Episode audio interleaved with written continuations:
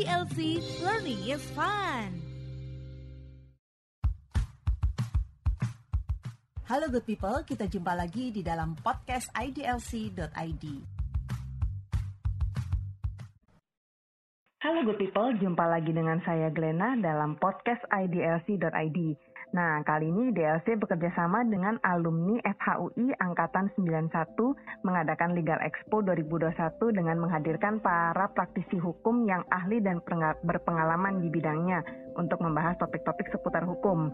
Nah, pada kesempatan kali ini kita akan ngobrol sama uh, Bang Andri Yudhistira. Beliau ini sudah berpengalaman selama 24 tahun di bidang hukum. 24 tahun itu kayaknya udah sebagian besar dari hidupku loh, teman-teman.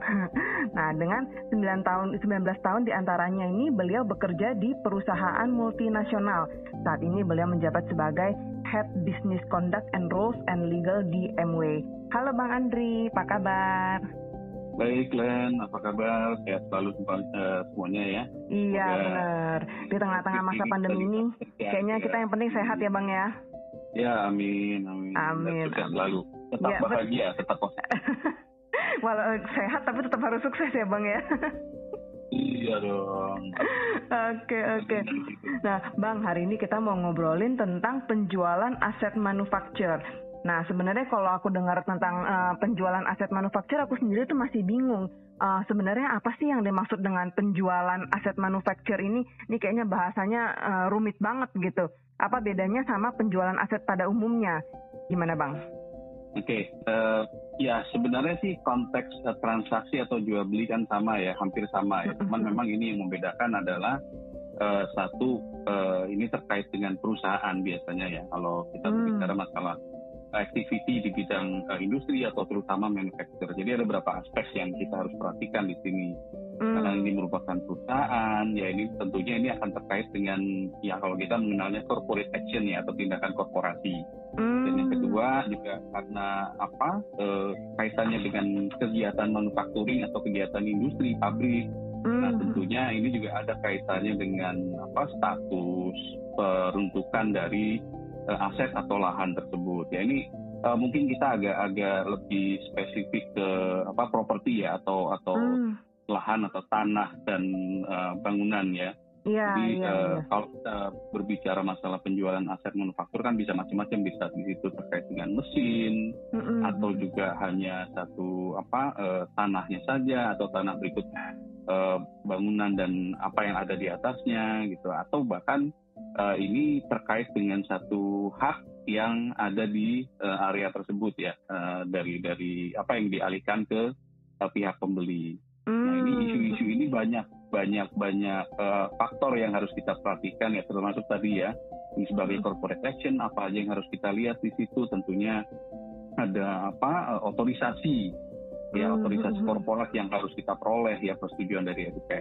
Hmm, benar, ya terkait benar. dengan perizinan ya Glenn ya terkait hmm. dengan perizinan karena eh, apa namanya pada saat kita melakukan kegiatan usaha awalnya kita mendapatkan izin dari eh, authority ya dari government dari dari pemerintah ya mm-hmm. uh, terutama apabila ini terkait dengan perusahaan penanaman modal yang di dalamnya di kita pada saat mengajukan izin penanaman modal kita ada izin prinsip kita menentukan oke okay, ini rencana investasi saya dan ini lokasi saya. Nah, pada saat kita ingin menjual aset, dampaknya apa? Tentunya di sini akan ada perubahan dari uh, hmm. rencana uh, investasi tersebut.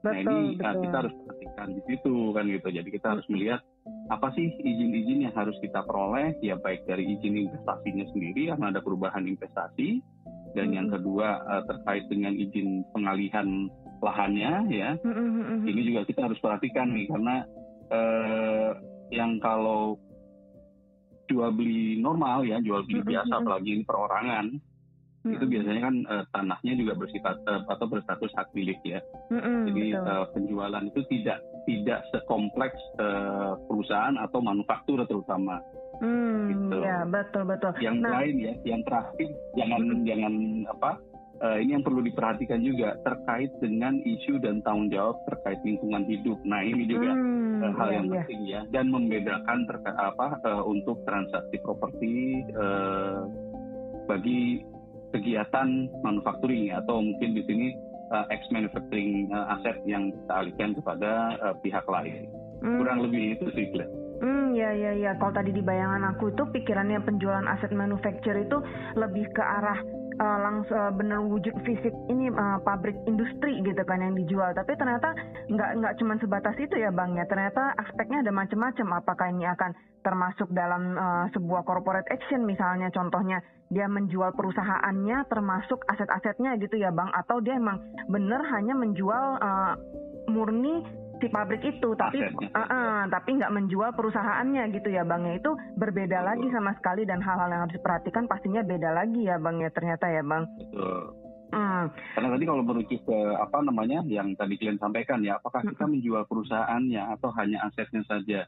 Atau bahkan kalau spin off ya, kalau kita menjual uh, satu divisi bisnis ya, mungkin uh, ada perusahaan apa manufaktur yang uh, contoh misalnya di otomotif, dia ada ada power plant-nya, ada ada ada industri apa assembly line dan ada powernya ada ada uh, apa industri untuk uh, mesinnya ya mm-hmm. uh, terkadang dengan adanya restrukturisasi perusahaan ya uh, kita hanya oke okay, saya mau fokus di assembly line saja atau di perusahaan untuk uh, apa mengassemble membuat body dan nanti mengassemble mm-hmm. sampai menjadi kendaraan jadi atau mobil jadi ya dan uh, power plant-nya untuk untuk apa namanya sorry bukan power plant tapi uh, apa namanya uh, engine-nya uh, mm-hmm. produksi engine-nya kita mau serahkan ke pihak lain. Nah itu bisa juga terjadi karena kita punya dua line produk, satu engine-nya atau motornya dan satu mm-hmm. adalah assembly line yang kita mau fokus di sini di assembly line uh, engine manufacturingnya kita mau alihkan ke pihak lain. Nah ini juga uh, berbeda lagi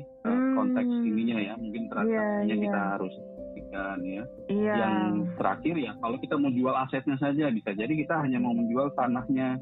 Mm-mm. Ya, ini tanah ini saya mau pindah ke pabrik uh, lokasi lain atau saya mau tutup uh, plannya. Mm-mm. Saya mau bergerak ke industri yang lain misalnya gitu. Mm-mm. Nah, ini juga uh, treatmentnya dan prosesnya juga tentunya akan berbeda.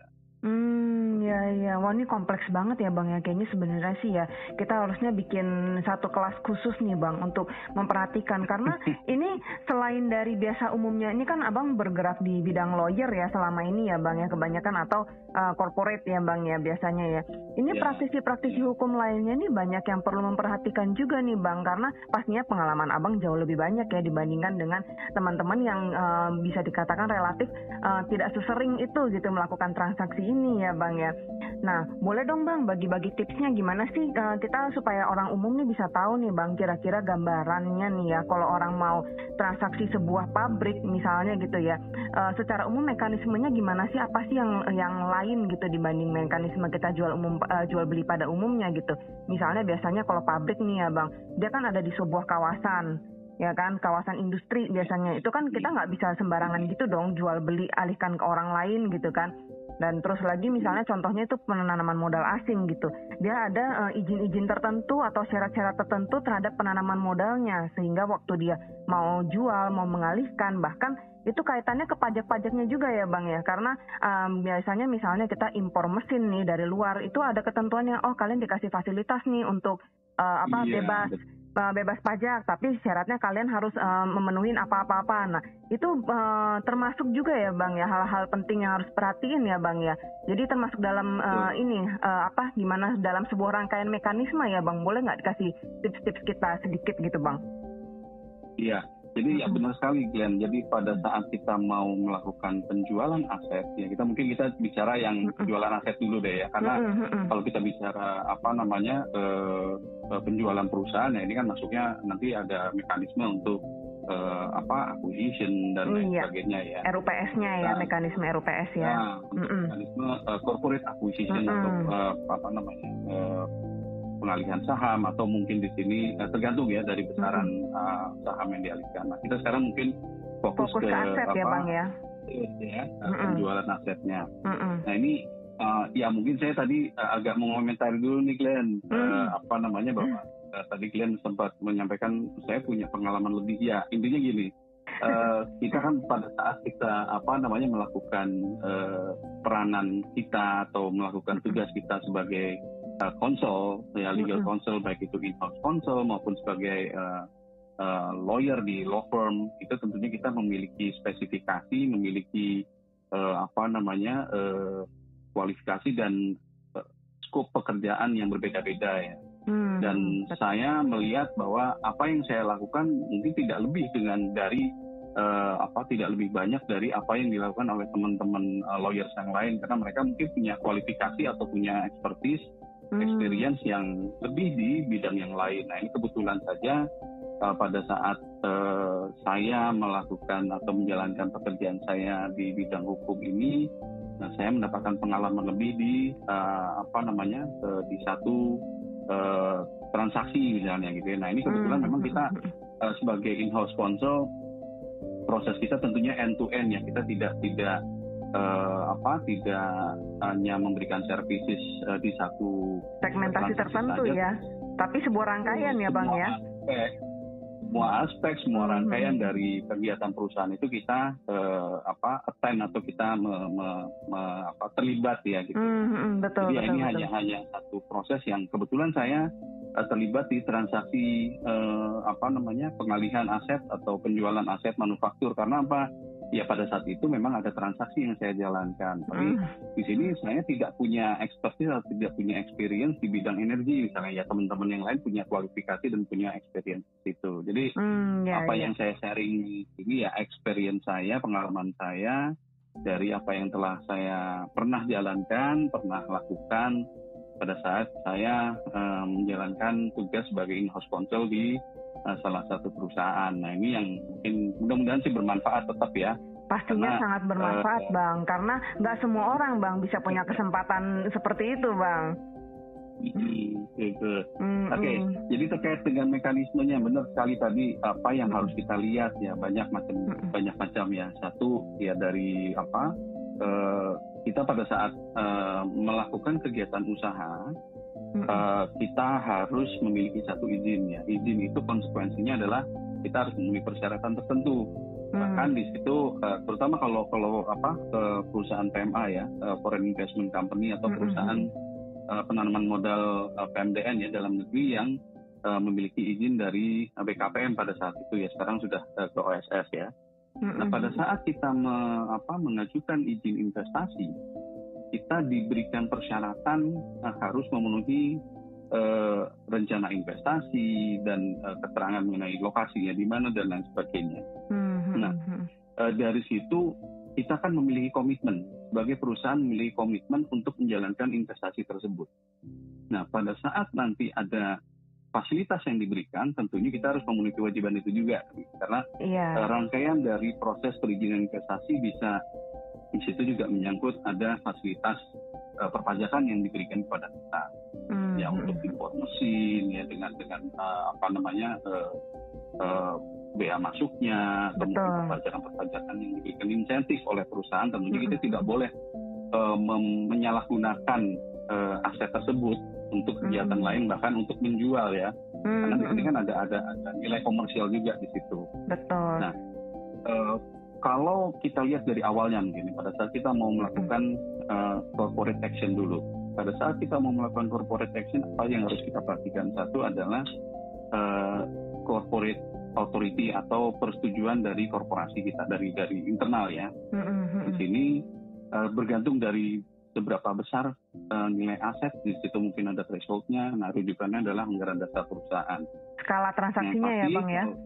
betul betul skala transaksinya. hmm yang pasti kalau yang dialihkan adalah sebagian besar aset, hmm. ya majority aset, tentunya kita harus memperoleh persetujuan dari RPS, hmm. gitu. Hmm, hmm. Nah, karena uh, pemegang saham adalah stakeholders di situ. Yang kedua, hmm. tidak kalah pentingnya bahwa ini kemungkinan ada restriksi-restriksi dari uh, apa namanya uh, stakeholders lain, misalnya kreditor ya. Pada saat kreditur memberikan fasilitas kredit ke kita mereka punya satu uh, apa namanya restriksi. Kamu nggak boleh menjual aset. Kalau misalnya mau menjual aset harus menyampaikan pemberitahuan kita dan lain sebagainya. Mm, nah, ini yeah. juga harus diperhatikan. Betul. Bahkan ya. merubah anggaran dasar aja biasanya harus dengan pemberitahuan ya. Karena seringnya misalnya kreditur itu memberi kredit tuh yang dipandang selain dari angka di dalam buku dalam artian uh, ini ya apa kualifikasi si perusahaan selain itu yang diperhatikan kadang-kadang juga personnya ya bang ya Jadi apakah siapa si pemegang betul siapa pemegang siapa sahamnya, siapa, direksinya. yang running, iya benar. Karena itu juga akan mempengaruhi kinerja ya bang ya. betul. Mm-mm. Jadi mereka kan memiliki credit risk ya buat buat apa Mm-mm. eh, calon apa debiturnya ya sehingga betul. apa pun yang terjadi terkait perubahan sekecil apa pun tentunya kreditur punya interest untuk mengetahuinya Hmm. karena di situ ada faktor resiko. Nah itu itu terkait dengan uh, commercial relation ya baik dari Mm-mm, pemegang saham, uh, kreditur dan lain sebagainya. Nah dari sisi pemerintah apa ya tentunya kita harus menyampaikan ke pemerintah bahwa kami akan melakukan perubahan investasi karena ada pengalihan aset kan gitu. Hmm. Dengan adanya pengalihan aset atau penjualan aset ini tentunya akan ada dampak dari terlaksananya investasi tersebut. Alasannya apa sih kita menjual aset? Hmm. Dari eh, pemerintah yang memberikan izin investasi tentunya ingin mengetahui bahwa eh, perusahaan ini apakah tetap going concern akan tetap melanjutkan perusahaan apa kegiatan usahanya Mm-mm. atau memang karena tutup. Nah, itu yang Hmm, harus iya. diperhatikan.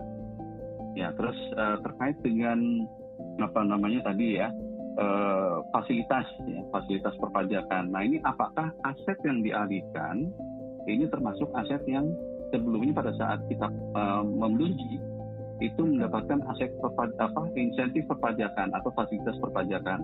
Hmm. Nah, ini kan ada syaratnya tidak boleh dialihkan dalam jangka waktu dua tahun biasanya ya. Hmm, Eh, ya, atau ya. mungkin pada saat pengalihan kita harus tetap memperoleh izin. Karena apa? Kalau misalnya eh, perusahaan mengalihkan aset tersebut sebelum jangka waktu yang diberikan, maka Mhm. perusahaan punya tanggung jawab untuk memberikan ganti rugi kepada perusahaan terkait dengan insentif pajak yang telah diberikan oleh perusahaan oleh pemerintah pada perusahaan. Hmm.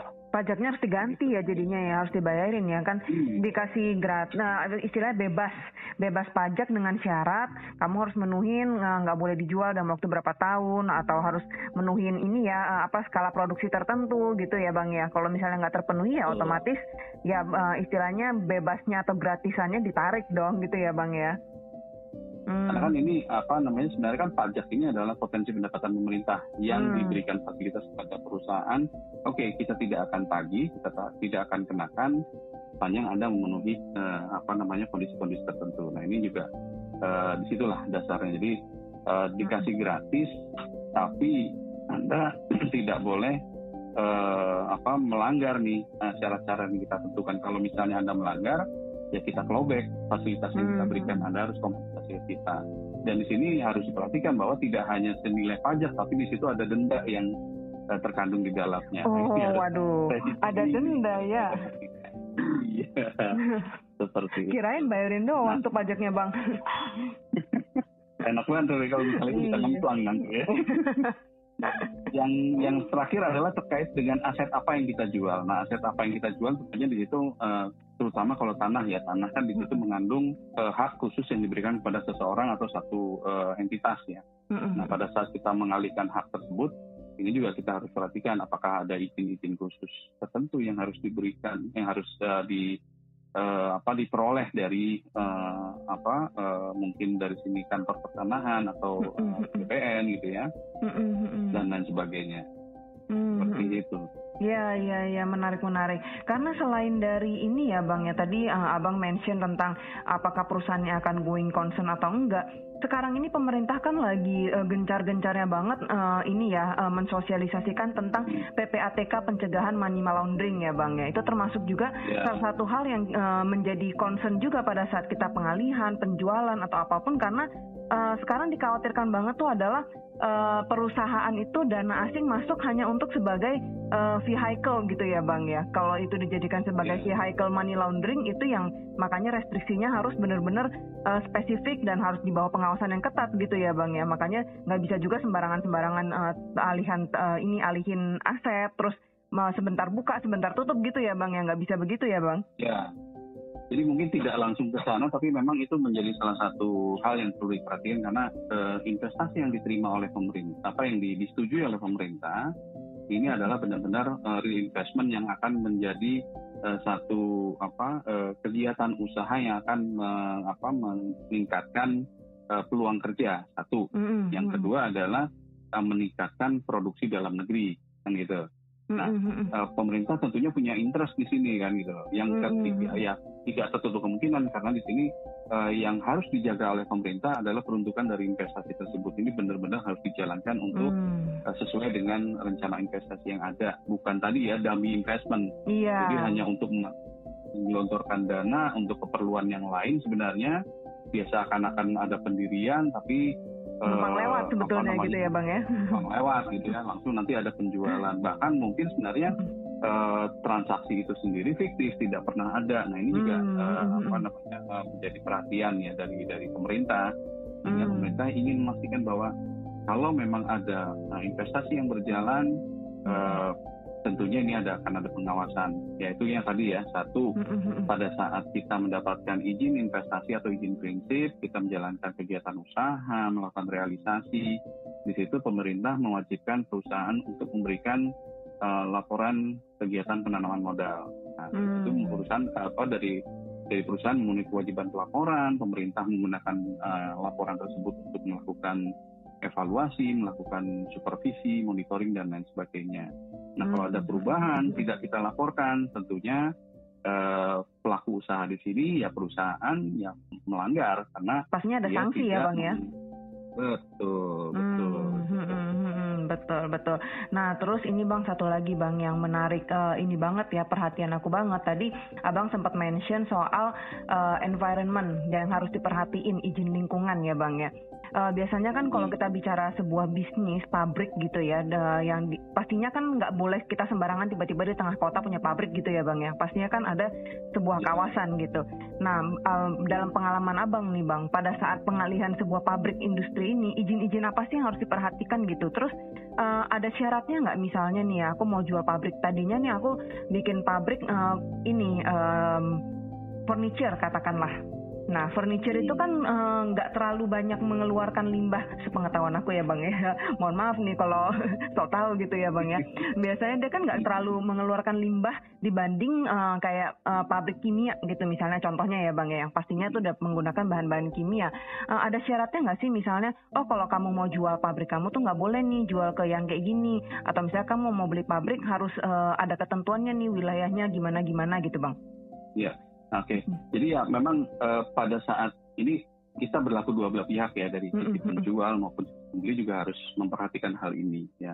Jadi pada saat kita sebelum apa membeli atau menjual tanah kita uh, terutama pembeli ya pada saat karena dia yang akan melanjutkan ya. Nah kalau kita berbicara masalah konteks uh, lingkungan hidup, uh, prinsip yang harus kita pahami di sini, prinsip yang harus kita perhatikan di sini adalah polluters pay. Jadi siapa yang melakukan atau menimbulkan polusi atau pencemaran, dia memiliki kewajiban untuk mengganti rugi, kan itu. Mm -hmm, betul. Nah, uh, pada saat terjadi pengalihan aset, di sini akan menjadi bingung nih orang pada saat ada pengalihan aset, uh, si pemilik terakhirkah yang bertanggung jawab hmm. atau pemilik yang awal mungkin yang menimbulkan polusi atau pencemaran tersebut. Hmm, nah, iya benar benar. Itu ada faktor risiko ya. Mm Nah, pada saat kita bilang polluters pay, ya who's the polluters? Siapa yang mem mem apa, membuat atau menimbulkan mm polusi tersebut? Nah, dengan adanya resiko-resiko ini baik dari sisi pembeli maupun penjual, dari sisi pembeli mungkin uh, saya kan meneruskan atau hanya menggunakan melanjutkan penggunaan tanah. Mm-mm. Siapa tahu penggunaan tanah ini terpolusi pada saat pemilik sebelumnya yang uh, mengoperasikan gitu ya. Sedangkan dari mm-hmm. sisi penjual juga punya pandangan yang sama ya, yang serupa. Misalnya gini, saya menjual tanah. Mm-hmm. Tanah saya sudah saya alihkan bisa jadi pembeli saya yang melakukan polusi tersebut yang Betul. menimbulkan pencemaran tersebut. Atau nah, bahkan selama saya pakai baik-baik aja tuh, kenapa waktu kamu pakai muncul masalah ini, begitu ya bang ya? Muncul masalah kan gitu, mm -mm. itu. Nah ini yang yang harus orang jadi pada saat memang pada saat kita me, apa, menguasai satu lahan, tentunya di situ ada satu proses terkait dengan lingkungan ya. Perusahaan bisa menjalankan kegiatan usaha di satu lokasi, ada yang namanya eh, analisa lingkungannya. Ya dia perizinan lingkungan yang harus diperoleh. Ini tergantung dari skala industri atau jenis industri. Hmm. Kalau misalnya apa kegiatan usahanya perdagangan, Nah, tidak semua perdagangan harus memiliki uh, izin industri atau izin lingkungan yang lengkap, gitu ya. Misalnya, hmm. saya perdagangan ya cuma toko toko apa uh, supermarket misalnya, ya di situ barangnya kan tidak tidak um, meng, apa, tidak akan atau kegiatan usahanya tidak terlalu menimbulkan, tidak akan resiko untuk menimbulkan uh, dampak lingkungannya lebih kecil. Ya terkadang di sini pemerintah menerapkan yang namanya surat pernyataan pengelolaan lingkungan ya tapi kalau misalnya uh, kegiatan usahanya ini berpotensi menimbulkan kerusakan lingkungan, tentunya izin yang diperoleh dan proses uh, asesmen penilaian uh, dampak lingkungannya dilakukan secara uh, lengkap. Nah ini mungkin ada kaitannya nanti ya dengan uh, sistem OSS RBA yang baru ini ya, hmm, dengan, ya. dengan ada berbasis resiko ya bang ya. ya? Dengan berbasis resiko ini, hmm. di situ sudah pada saat sebelum masuk kita sudah melakukan self uh, assessment mm-hmm. resikonya kita ada di mana. Nah dari situ akan kelihatan uh, izin-izin yang harus diperoleh oleh perusahaan tersebut itu seperti apa kan gitu. Mm. Nah, itu yang yang yang uh, saya uh, kalau kita melihat dari awalnya ya. Terus pada saat kita uh, tadi mau mengalihkan uh, apa namanya ke aset tersebut, nah masing-masing dia merasa saya ada resiko. Ya, di sini resiko resiko yang peninggalan ya peninggalan sebelumnya atau dari sisi jual ini resiko yang mungkin bisa ditimbulkan oleh uh, pemilik yang baru. Nah makanya untuk itu yang yang uh, kita harus lihat adalah kita kenali dulu, kita ketahui dulu aset-aset apa aja sih yang ada di dalam uh, uh, lahan tersebut ya. Kita harus perhatikan apa yang ada di atas tanah, apa ada yang di bawah tanah dan lain sebagainya. Ini juga nanti ada kaitannya dengan uh, terkait dengan apa yang ada di fasilitas apa saja yang ada di uh, apa namanya tanah tersebut izin-izinnya bagaimana. Nah ini yang yang kita lakukan seharusnya ya uh, yang perlu diperhatikan adalah sebelum kita menju membeli tanah ya kita lakukan due diligence dulu mm-hmm. baik legal due diligence maupun environmental due diligence. Mm, gitu. Jadi ya, kita ya. melihat kita melihat meneliti menelusuri ini izin-izin uh, di tanah tersebut itu apa saja di aset tersebut ya itu apa saja yang dia harus dimiliki apakah dimiliki apakah hmm. dia uh, memenuhi kewajiban dari perizinan-perizinan terkait kalau hmm. tidak nah ini kan resikonya bisa jadi ini akan terkait dengan si pemilik yang baru ya hmm, gitu ya, nah betul. terkait dengan environment environment kita lihat lagi karena kalau kita berbicara masalah uh, aset manufacturing atau ex manufacturing aset ini kegiatannya adalah kegiatan yang uh, ya resiko lingkungannya sebenarnya cukup tinggi ya kalau kita hmm, lihat ya. Betul. Karena dan dampaknya jangka panjang, nggak seketika terlihat juga ya bang ya. jangka panjang. Hmm. Betul. Karena uh, apa namanya kegiatan manufacturing itu hmm. pasti di situ ada pembuangan ada atau ada limbah yang dihasilkan. Biasanya hmm. itu. Limbah hmm. yang dihasilkan pembuangannya seperti apa? Apakah fasilitas uh, apa namanya uh, waste disposalnya sudah dilakukan atau diproses dengan baik, mm-hmm. jadi waste disposal treatmentnya sudah berjalan dengan baik atau requirementnya mm-hmm. sudah dipenuhi atau belum. Nah ini kan kita nggak tahu karena uh, masing-masing apa pihak ya terutama kalau kita lihat dari sisi pembeli, saya nggak tahu apa yang anda lakukan sebelumnya. Iya ya, betul. Tapi begitu ini. terjadi transaksi kita nggak bisa ya bang ngomong loh saya nggak tahu loh itu ada di situ gitu ya bang ya. Pada saat kamu udah membeli berarti kan udah udah bertanggung jawab atas itu begitu ya bang ya. Ya. Nah ini kalau hmm. ini kita perhatikan gini, uh, kenapa kita harus melakukan ini sebelum transaksi? Ya. Mm-hmm. Uh, dan kita juga nanti ini ada kaitannya pada saat kita melakukan transaksi dalam proses tersebut tentunya ada perjanjian. Mm-hmm. Ya, apa saja sih yang harus diatur di perjanjian gitu ya? Mm-hmm. Uh, resiko kita. Jadi kita melakukan risk management dengan perjanjian tersebut. Nah ini mm-hmm. ada kaitannya dengan satu mungkin uh, apa namanya uh, teman-teman yang notaris atau yang PPAT juga memahami ini ya lebih memahami bahwa uh, transaksi jual beli tanah gongnya atau n-nya itu nanti uh, ada di uh, eh, AJB akta jual beli ya, tanah. betul. Karena yang seketika itu terjadi peralihan ya bang ya. Nah, yang kita ketahui kan di AJB itu um, menggunakan format baku, kan gitu ya, format baku yang yang kalau kita lihat ya ini cukup simpel bahwa transaksi itu terang dan tunai kan gitu. Terus ya, yang kedua betul. pengalihan haknya dan resiko yaitu seketika terjadi pada saat penandatangan itu hmm. atau terjadi pada saat pengalihan. Iya, nah, betul. Ini kita harus manage gitu loh. Kita harus manage hmm. para pihak harus memanage sebelumnya. Kita hmm. harus ketahui dulu, kita pastikan dan uh, dari situ baru kita yakin oke okay, saya memutuskan untuk membeli atau memutuskan untuk withdraw dari transaksi. Hmm. itu. Iya iya. Wah ini menarik ya, banget ya. Legal, ya due diligence itu penting. Due diligence itu penting karena hmm. ini menentukan apakah kita akan uh, go with the transaction. Kalau kita hmm. go with the transaction, ya apa yang harus kita atur di situ karena uh, apa namanya pada saat kita me, me, melakukan transaksi, saya harus yakin bahwa kita siap menerima apa kita, adanya ya bang ya. Betul. Nah, pembeli sebelumnya pasti akan akan mengatur seperti itu kan. Iya. Is. Betul betul. it is what it is. kamu udah beli ya, kamu ambil iya. gitu ya bang ya.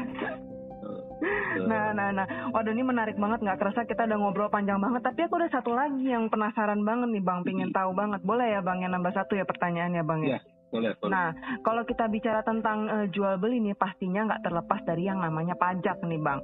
Pajak kalau kita bilang jual beli rumah, aku jual rumah ke abang gitu kan, kan kita perorangan ya, Bang ya, cukup bayar PPH sama PPHTB itu, Bang. Nah, kalau dalam transaksi uh, antara ini ya perusahaan atau uh, transaksi sebuah pabrik bisnis gitu, itu biasanya ada pajak-pajak lain nggak sih, Bang, yang harus diperhatikan? Apa bedanya dari transaksi kita jual beli rumah pada umumnya, Bang? Iya. Uh, Ya kalau misalnya transaksi itu ya PPH terkait dengan mm-hmm. penjual ya pada saat mm-hmm. dia mengalihkan uh, aset asetnya ya mm-hmm. dalam hal ini tanah dan bangunan ya tentunya mm-hmm. PPH-nya itu juga akan dikenakan BPHTB mm-hmm. bagi pembeli juga akan dikenakan.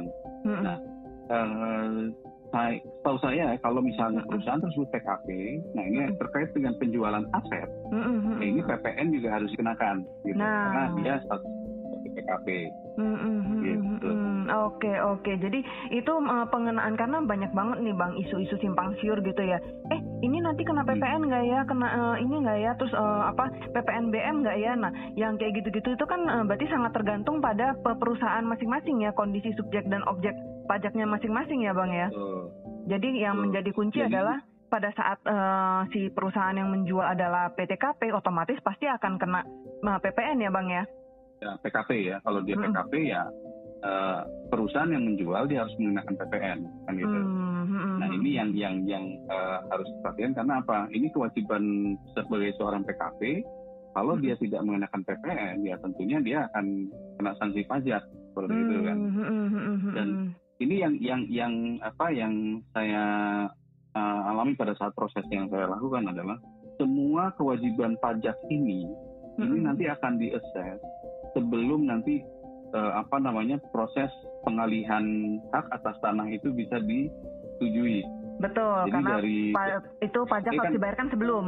Betul. Nah hmm. ini yang yang yang uh, apa namanya harus dipastikan bahwa dokumentasi pembayaran pajak, terus di situ nanti ada validasi, proses validasi hmm, ya. Hmm, betul. Uh, ya mungkin eh, klien kan uh, apa namanya uh, kementariatan ya memahami iya, lah. Uh, betul betul. Jadi ini ada proses validasi sebelum uh, proses di apa uh, kantor pertanahan itu dijalankan.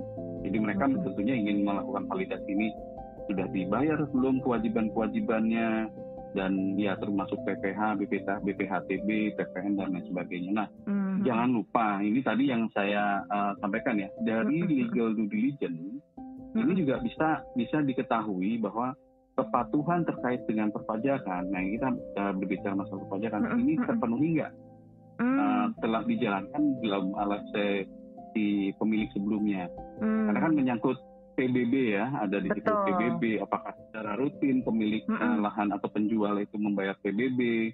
Nanti mm -hmm. kalau misalnya ada uh, apa bolong namanya, gitu ya bang ya nggak kebayar harus dipenuhin ya bang ya harus dipenuhi kan gitu. Dan di sini mm -hmm. juga uh, saya melihat uh, potensinya bukan senilai PBB saja. Di situ ada denda yang uh, terkait. Iya. nah ini kan dua persen per bulan ya bang?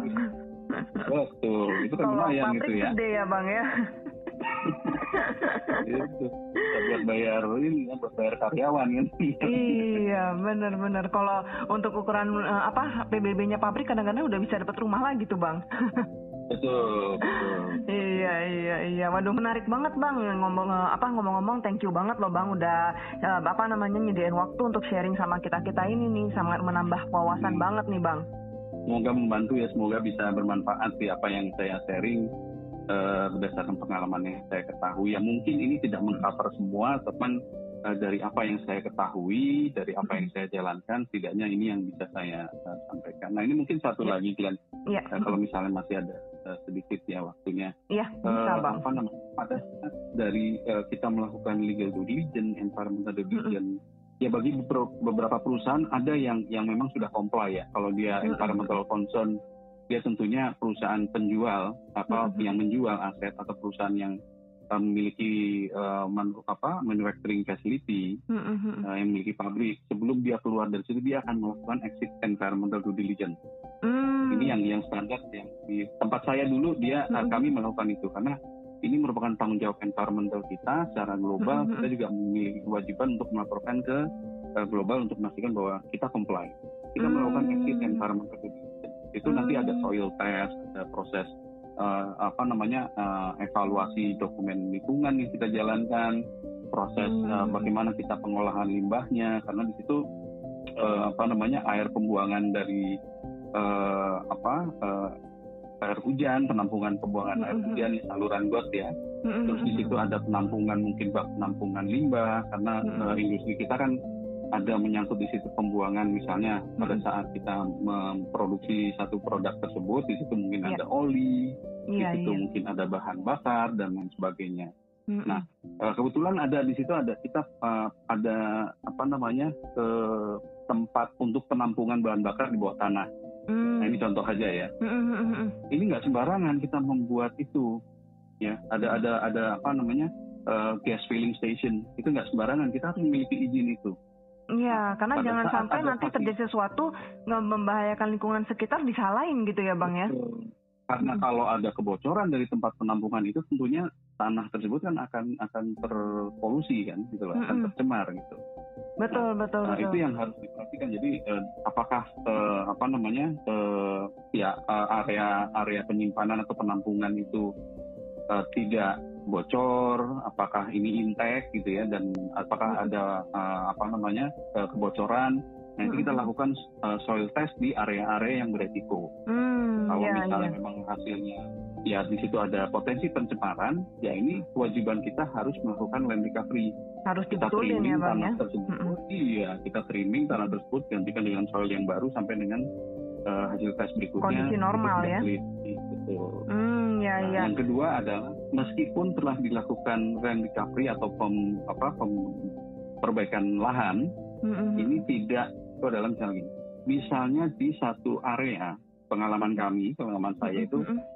Kita tidak di industrial estate, kita tidak di zona in, uh, kawasan industri, mm-hmm. tapi kita uh, berada di zona yang memang diizinkan untuk industri. Mm-hmm. Nah di situ ada perubahan zonasi sehingga sekarang statusnya di situ mix bisa jadi residensial juga. Hmm, ya ya. Nah, ada penduduk sekitar ya jadinya ya. Betul, betul. Hmm. Nah, di sini pada saat ada orang yang mau beli, bisa jadi orang yang membeli ini sebenarnya dia bukan untuk industri lagi, tapi bisa hmm. jadi untuk uh, ruko atau untuk iya. perumahan yeah. gitu kan. Hmm. Nah, ini harus diperhatikan bahwa uh, tidak semua lahan itu bisa di, digunakan untuk peruntukan keseluruhan, hmm. untuk jenis peruntukan lain. Ini yang harus hmm. diperhatikan bahwa uh, lahan industri sebaiknya digunakan kembali untuk uh, industri kecuali hmm. kalau memang kita ingin mengalih fungsikan, hmm. ini harus dilakukan proses uh, tadi pemulihan lahan dulu. Ya. Hmm. Ya, jadi lahannya dibersihkan, dipastikan memang ini sudah cocok untuk uh, fungsi yang ditujukan ya, yang diperuntukkan nantinya. Mm-hmm. Misalnya untuk perumahan ya tentunya uh, ini akan lebih lebih masif lagi ya perusahaan atau pe, apa uh, upaya untuk pembenahan lahannya ini.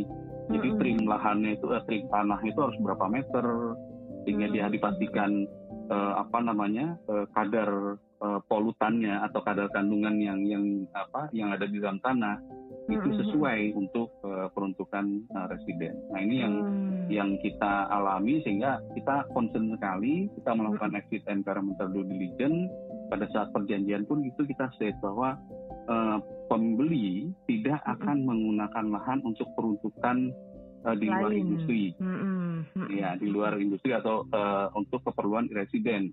Apabila mm-hmm. memang uh, apakah dilakukan seperti itu, maka pembeli memiliki kewajiban untuk melakukan proses-proses yang diperlukan terkait pemulihan lahan. Mm. Dan pembeli akan membebaskan penjual dari uh, kewajiban-kewajiban apabila ada dampak uh, lingkungan terkait dengan mm. bentukan yang baru tersebut. Nah, ini yang yeah, yang yeah. Um, kunci banget tuh ya, Bang ya. dan uh, kita bisa memanage resiko kita dengan cara lakukan apa uh, due diligence tersebut baik legal due diligence maupun uh, environmental due diligence. Hmm. Begitu pula bagi pembeli dia melakukan itu di awal sehingga dia tahu lahannya seperti apa sih. Gitu. Jadi pada saat dia mau hmm. membeli, oke okay, saya membeli tapi saya harus uh, pastikan bahwa anda akan memenuhi ketentuan seperti ini, ini, ini, ini. Gitu. Kalau misalnya hmm. nanti ditemukan ada dampak lingkungan yang disebabkan oleh penjual penjual tetap bertanggung jawab itu bisa jadi terjadi seperti mm-hmm. itu di billnya makanya yeah. transaksi jual ini kadang uh, kadang salah ya ini agak alot gitu ya karena masing-masing memiliki kepentingan iya. sendiri-sendiri. Betul, itu bukan masalah mungkin. hanya asetnya ya bang ya, tapi tanggung jawabnya ya bang ya. Ini kalau uh, bicara tentang environment ini, ini tuh ada sebuah kasus aku jadi teringat ya di luar negeri dan itu sempat heboh banget, uh, lebih tepatnya di Amerika ya waktu itu ya. Mungkin aku nggak nyebut uh, merek, tapi ini uh, dampak lingkungannya itu menyebabkan pembuangan limbahnya itu uh, jadi ke warga sekitar yang mengkonsumsi uh, air yang bersumber dari itu uh, apa di tempat uh, ini ya lingkungan itu menyebabkan kanker. Yeah. dan akhirnya di, dilakukan sebuah penelitian dan ternyata itu berasal dari limbah pabrik ini. Wah itu tanggung jawabnya besar sekali sampai uh, pabrik itu harus minta maaf dan bahkan harus memulihkan dan uh, bertanggung jawab terhadap korban-korbannya. Nah itu kan dampak yang besar sekali ya bang ya yang pastinya kita nggak mau ya bang ya. Betul ini juga uh, terus terang ini yang yang yang saya lakukan juga merujuk pada beberapa case di di apa di US ya. Uh, mm-hmm. Makanya kita pada saat ini eh, pada saat melakukan transaksi tersebut saya juga ada koordinasi dengan mm-hmm. tim kita ya environmental mm-hmm. control kita di di head office karena juga mm-hmm. uh, di situ ada referensi-referensi terkait dengan uh, environmental issue terkait dengan kegiatan mm-hmm. industri ya di, mm-hmm. baik di Michigan ada yang di, di area hmm. lain gitu ya. Nah ini jadi kita belajar dari situ, kita melihat resikonya apa sih, terus permintaan dari pembeli biasanya apa sih, terus apa yang harus kita proteksi. Hmm. Nah dari informasi-informasi yang kita peroleh, kita bisa lihat apakah ini sesuai dengan hukum Indonesia dan apakah ini bisa diterapkan di, di transaksi kita. Nah ini karena memang itu tadi uh, apa namanya pem, apa uh, penduduk ya ini kan hmm. punya komunitas uh, apa namanya ya kita uh, ada ada ada kewajiban lah terhadap komunitas yeah. sekitar ya terkait Betul. dengan ini kegiatan yang kita lakukan. Kalau hmm. memang menimbulkan uh, apa resiko, dampak lingkungan, dampak sosial, uh, pelaku usaha punya kewajiban untuk memberikan uh, apa namanya uh, kompensasi lah atau mengganti hmm. rugi ya. Betul atas, betul. Uh, dampak yang ditimbulkan tersebut. Nah ini hmm. yang yang memang uh, sangat berhati-hati pada saat kita melakukan kegiatan usaha di satu lokasi ya biasanya mm-hmm. uh, sekarang sih sudah banyak uh, apa kawasan-kawasan industri sehingga di situ uh, pada saat kita masuk ke dalam uh, dari pengelola sudah me, apa sudah ada aturan-aturan yang ketat ya bang ya, sudah mm-hmm. memastikan bahwa izin lingkungannya sudah ada tinggal nanti kita dari sisi aspek industri kita sendiri kita memenuhi kewajiban kita terkait dengan izin lingkungan yang mm. yang berlaku. Iya, waduh menarik menarik banget bang. Tanpa terasa kita ngobrol udah panjang banget dan kita masih rasanya apa rasa ingin tahunya tuh masih banyak gitu loh bang. Kayaknya mungkin kita lain kali harus bikin ini bang, bikin kelas gitu kan untuk uh, apa namanya lebih bahas lebih kupas tuntas lagi nih bang. Karena aku yakin banyak banget orang yang uh, juga sama rasa penasaran ya kayak aku nih bang, pingin tahu banget gitu bang. Ngomong-ngomong, uh, thank you yeah. banget loh bang Andri udah sharing sharing banget buat kita semua. Nah, sampai jumpa di dalam uh, ini ya topik-topik menarik lainnya pastinya. Nanti kita ngobrol-ngobrol lagi ya Bang Andri ya. Iya, ya. Okay. Insya Allah mudah-mudahan kalau ada waktu kita bisa eh, sharing lagi uh, ya dengan senang hati. Iya, ya. oke. Okay. Makasih Bang Andri. Sampai jumpa good people dalam topik-topik menarik lainnya.